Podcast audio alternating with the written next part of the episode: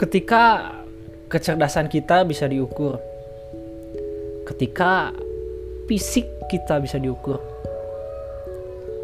bagaimana jika suatu ketika kualitas jiwa dan mental kita bisa diukur?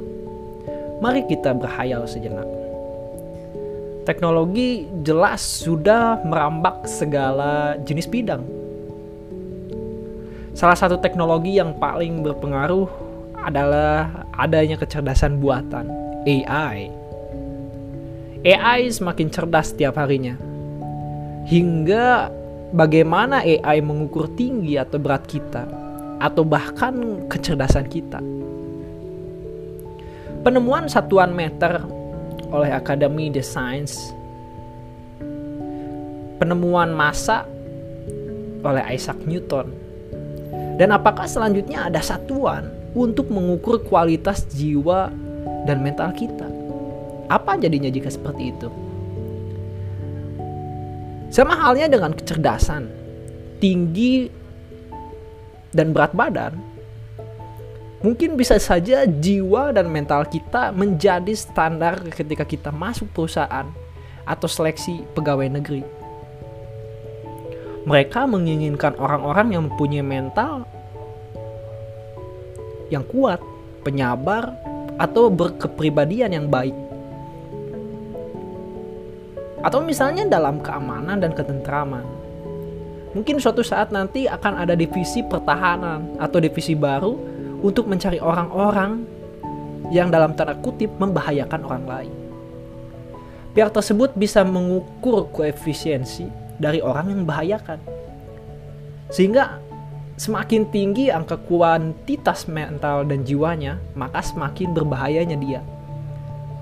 Kita buat sebuah kategori. Misalnya dari 0 sampai 100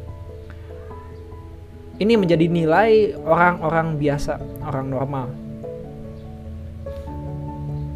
nilai 101 sampai 200 mungkin bisa menjadi orang yang orang yang dalam pantauan AI. Kemudian 201 sampai 300 mungkin menjadi orang yang perlu ditindak atau bisa jadi dirawat agar mental dan kualitasnya bisa diukur kembali dan bisa lebih menurun agar menjadi normal. Atau bahkan dari 300 ke atas ini orang yang harus diwaspadai karena orang ini adalah berbahaya.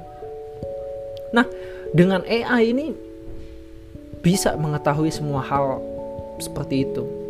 Akankah kita semakin tersaring dan semakin sedikit saja orang yang bisa lolos dalam tanda kutip di era baru ini? Mengapa demikian? Karena kita saat ini pun sibuk dengan menyehatkan fisik kita. Namun terkadang kita lupa mengurus bagian yang sama atau lebih penting dari fisik kita, mental dan jiwa. Kesehatan mereka adalah yang mempengaruhi segalanya dalam kehidupan.